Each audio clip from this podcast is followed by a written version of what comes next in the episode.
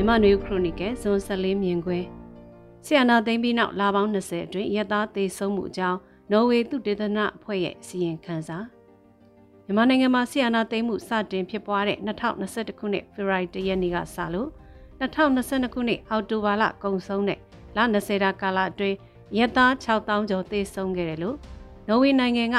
PRIO သုတေသနအဖွဲ့ကခုရက်ပိုင်းအတွင်းထုတ်ပြန်လိုက်တဲ့ Counting Myanmar's that reported civilian casualties since the 2021 military coup စီရင်ခံစာမှာဖော်ပြခဲ့ပါတယ်။ဒီအစီရင်ခံစာဟာပြည်ပအခြေစိုက်သုတေသနအဖွဲ့တစ်ဖွဲ့ကစစ်ကောင်စီကိုထောက်ခံသူလို့ဆွဆွဲပြီး PDF နဲ့မျိုးပြပျောက်ကြားလိုအဖွဲ့တွေကရက်သားတွေကိုတပ်ဖြတ်မှုကိုအရေးအတွက်နဲ့တကွပထမဆုံးထုတ်ပြန်လိုက်တဲ့စီရင်ခံစာဖြစ်ပါတယ်။စစ်ကောင်စီရဲ့သတင်းထုတ်ပြန်ရေးကတော့ PDF တွေလက်ချက်နဲ့ကြန့်ခိုင်းရေးပါတီဝင်အုပ်ချုပ်ရေးမှူး စီရီယံမလုပ်တဲ့ဌာနဆိုင်ရာဝန်ထမ်းတွေနဲ့ဖုံတော်ကြီးသီလရှင်နဲ့ကလေးတွေပါဝင်9400ကျော်သေဆုံးခဲ့ပြီဖြစ်တယ်လို့ပြီးခဲ့တဲ့နှစ်လကထုတ်ပြန်ခဲ့တာဖြစ်ပါတယ်။ခုလိုနော်ဝေနိုင်ငံသူတေသနာဖွဲ့ကသူတေသီဖြစ်သူစတိန်ထော်နဆန်နဲ့မြန်မာလူမျိုးဒေါက်တာမင်းစောဦးတို့ပူးပေါင်းပြုစုထားတဲ့အစီရင်ခံစာမှာရက်သားသေဆုံးရမှုဆိုတဲ့အကြောင်းအရာကိုမိမောင်းထိုးပြလိုက်ပြီးဒီသေဆုံးမှုတွေရဲ့အဓိကလက်သည်ကစစ်ကောင်စီဖြစ်ပြီးတစ်ဖက်မှာလည်းပမာဏအတိုင်းဒါတစ်ခုထိကျူးလွန်သူတွေက PDF နဲ့မျိုးပြပျောက်ကြားလို့ရေးဘူးရအားဖြင့်ခေါ်ဆိုကြတဲ့မိအမျိုးမျိုးပေးထားကြတဲ့လက်နက်ကိုင်ဖွဲ့တွေနဲ့အချို့သောလက်နက်ကိုင်ဖွဲ့တွေဖြစ်တယ်လို့ဆိုထားပါတယ်။ခုလိုနိုင်ငံရေးအရဘဲဘက်ကရက်ဒီတယ်လဲဆိုတာထက်လက်နက်ကိုင်တပ်ဖွဲ့ဝင်မဟုတ်တဲ့ရက်သားသေးဆုံးမှုတွေကိုမိမောင်းထိုးပြဖို့ရည်ရွယ်ကထုတ်ပြန်တဲ့စီရင်ခံစာက NUG PDF နဲ့မြို့ပြပျောက်ကြားအဖွဲ့တွေကိုထောက်ခံသူတွေကနှစ်သက်ခြင်းမှနှစ်သက်မှာဖြစ်ပါတယ်။ ဒီအကြောင်းအရာကຫນွေဦးဒေါ်လေးကိုထောက်ခံသူတွေကြားအငင်းပွားပွဲအကြောင်းအရာတရက်ဖြစ်နေခဲ့ပြီးအများစုကရက်သားတွေကိုစစ်ဘက်ဆိုင်ရာပြစ်မှတ်အဖြစ်သတ်မှတ်တဲ့ယူဆချက်ဒိဗယ်ဖွင့်ဆိုချက်နဲ့လုံခြံတပ်ဖြတ်တာကိုရေးတကြီးကိစ္စအဖြစ်မယူဆကြတာလည်းဖြစ်ပါတယ်။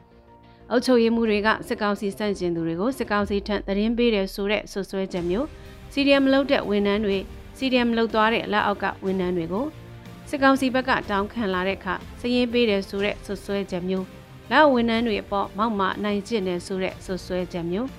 များပြည်သူထံကလက်စားတယ်ဆိုတဲ့ဆွဆွဲချက်မျိုးတွေကိုလက်နက်ကင်လုတ်ကြံတပ်ဖြတ်ကြတဲ့သူတွေကအကြောင်းပြချက်အနေနဲ့ပေးလိရှိကြတာလဲသတင်းတွေမှာတွေ့ရမှာဖြစ်ပါတယ်။ခုစီရင်ခန်းစာနဲ့ပတ်သက်ပြီးမြို့သားညီညွတ်ရေးအစိုးရရဲ့ကာကွယ်ဝန်ကြီးဌာနအတွင်းဝင်ဖြစ်သူကိုသတင်းမီဒီယာတစ်ခုကမေးမြန်းရမှာရက်သားတွေကိုတပ်ဖြတ်တာတွေမရှိတဲ့သဘောစီးရဲပြစ်မှတ်ဖြစ်သတ်မှတ်ခံရလို့တိုက်ခိုက်တာတွေရှင်းလင်းတာတွေလှုံ့ဆော်ရတဲ့သဘောမျိုးဖြေကြားခဲ့တာတွေ့ရပါတယ်။ မြို့သားညီညွတ်ရေးအစိုးရအနေနဲ့2021ခုနှစ်မေလမှာဖွဲ့စည်းတဲ့ပြည်သူ့ကာကွယ်ရေးအဖွဲ့တွေအတွက်စစ်တီတော်ကျင့်ဝတ်ဆိုတာဖွဲ့စည်းစဉ်ကာလကလေးကချမှတ်ခဲ့ပြီးခုလိုကိန်းကနန်းတွေနဲ့ပတ်သက်လို့ဖြစ်စေရက်သားတပ်ဖြတ်မှုဖြစ်ရတွေနဲ့ပတ်သက်လို့ဖြစ်စေမေးမြန်းလာရင်ရေဘူးရအားဖြင့်စစ်တီတော်ကျင့်ဝတ်နဲ့အညီလှုပ်ဆောင်တာလို့ပြောဆိုပေမဲ့သေးစိတ်ဘယ်လိုကျင့်သုံးလဲ။ဘာကြောင့်စူပါရက်ကျေးအုပ်ချုပ်ရေးမှု၊ဂျာအိမ်မှုစီရမလုပ်တဲ့ပညာရေးဝန်ထမ်းစတဲ့သူတွေကစီရေးပြစ်မှတ်တစ်ဖွဲ့သတ်မှတ်ရတယ်ဆိုတာမျိုး ရှင်းလင်းပြောဆိုတာမျိုးမတွေ့ရပါဘူး။နောက်တစ်ချက်ကမြို့တွေနဲ့ကျေးလက်တွေမှာ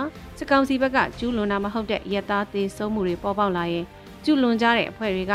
မြို့သားညီညွတ်ရေးအဖွဲ့လက်အောက်ခံဟုတ်မဟုတ်ဆိုတာလဲရှင်းရှင်းလင်းလင်းမရှိတဲ့အနေအထားတွေ့ရပါတယ်။မြို့တွေပေါ်ကလှုပ်ကြံတပ်ဖြတ်မှုတွေကမိမိတို့ဆုံးဖြတ်ချက်နဲ့မိမိတို့ဘာသာသတ်မှတ်တဲ့စစ်ဘက်ဆိုင်ရာပြစ်မှတ်သတ်မှတ်ချက်သို့မဟုတ်စစ်ကောင်စီတောက်တိုင်ဆိုတဲ့ဝါရဖြန့်ချီရေးဆန်တဲ့စကလုံးနဲ့တပ်ဖြတ်ဖို့ဆုံးဖြတ်ခါလှုပ်ဆောင်နေကြတာမျိုးလည်းဖြစ်ပါတယ်။ တောက်တိုင်ဆိုတဲ့နိုင်ငံရေးစကလုံးဟာကွန်မြူနစ်လက်နက်ကိုင်ဖွဲ့တွေရဲ့အစွန်းရောက်တဲ့ဝါဒဖြန့်အသုံးနှုန်းတစ်ခုဖြစ်ပြီး1960 80ခုနှစ်ကာလတွေကပဲခူးရိုးမလိုနေရာမျိုးမှာ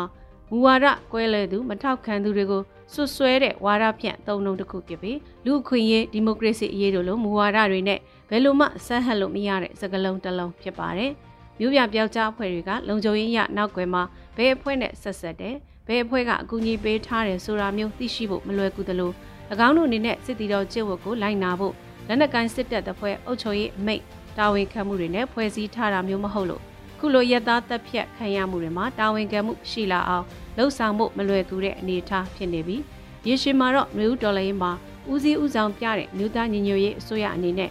မူဝါဒအရခြုံငုံပြီးတာဝန်ခံရမှာဖြစ်ပါတယ်။နော်ဝေသူဒေသနာအဖွဲ့ကစီရင်ခံစာရဲ့နှစ်ချုပ်စာသားကစစ်ကောင်စီကရက်သားတပ်ဖြတ်မှုတွေမှာအဓိကတပ်ဖြတ်သူဖြစ်နေတဲ့အချက်နဲ့ စစ်ကောင်စီစန့်ကျင်ရေးအဖွဲ့တွေရဲ့လက်မှာလည်းသွေးစွန်းနေပြီးတာဝန်ခံမှုရှိလာမယ်ဆိုတဲ့အချက်ဖြစ်တာတွေ့ရပါတယ်။ရက်သားဆိုတာစီးရေးပြစ်မှတ်ဖြစ်တယ်ဆိုတာတွေကိုနိုင်ငံရေးဘက်သူ့ထောက်ခံသူကိုထောက်ခံသူထက်ရှင်းလင်းတိကျတဲ့အဓိပ္ပာယ်ဖွင့်ဆိုချက်တွေနဲ့လိုက်နာဖို့လိုအပ်လာနေပြီဖြစ်ပါတယ်ရှင်။